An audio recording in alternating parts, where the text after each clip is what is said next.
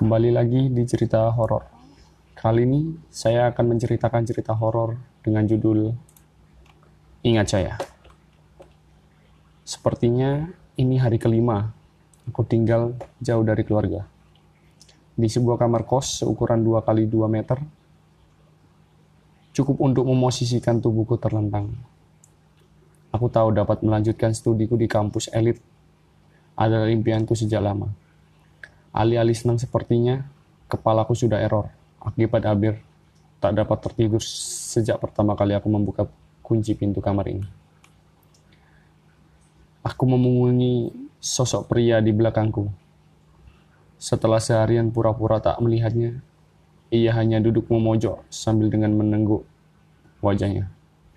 Sebetulnya tak tega, tapi tolong ingatkan aku kalau dia adalah makhluk yang halus.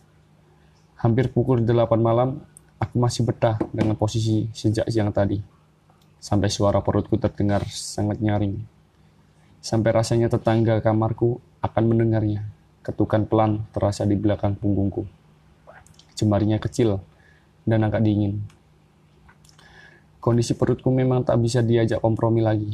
Ini akan berakhir tragis jika aku tak makan sekarang juga. Akhirnya aku bergegas mengambil jaket dan dompet untuk membeli makanan di warung depan.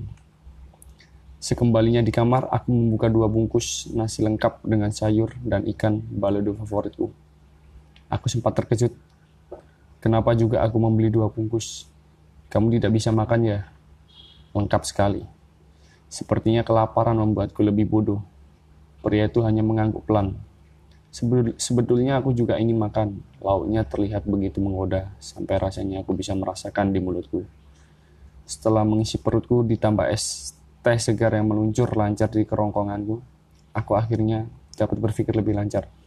Kenapa mataku dapat melihatmu? Entah kenapa ia jadi iri sekali berbicara.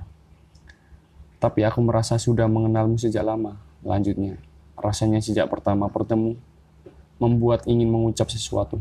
Apa itu? Tolong ingat aku.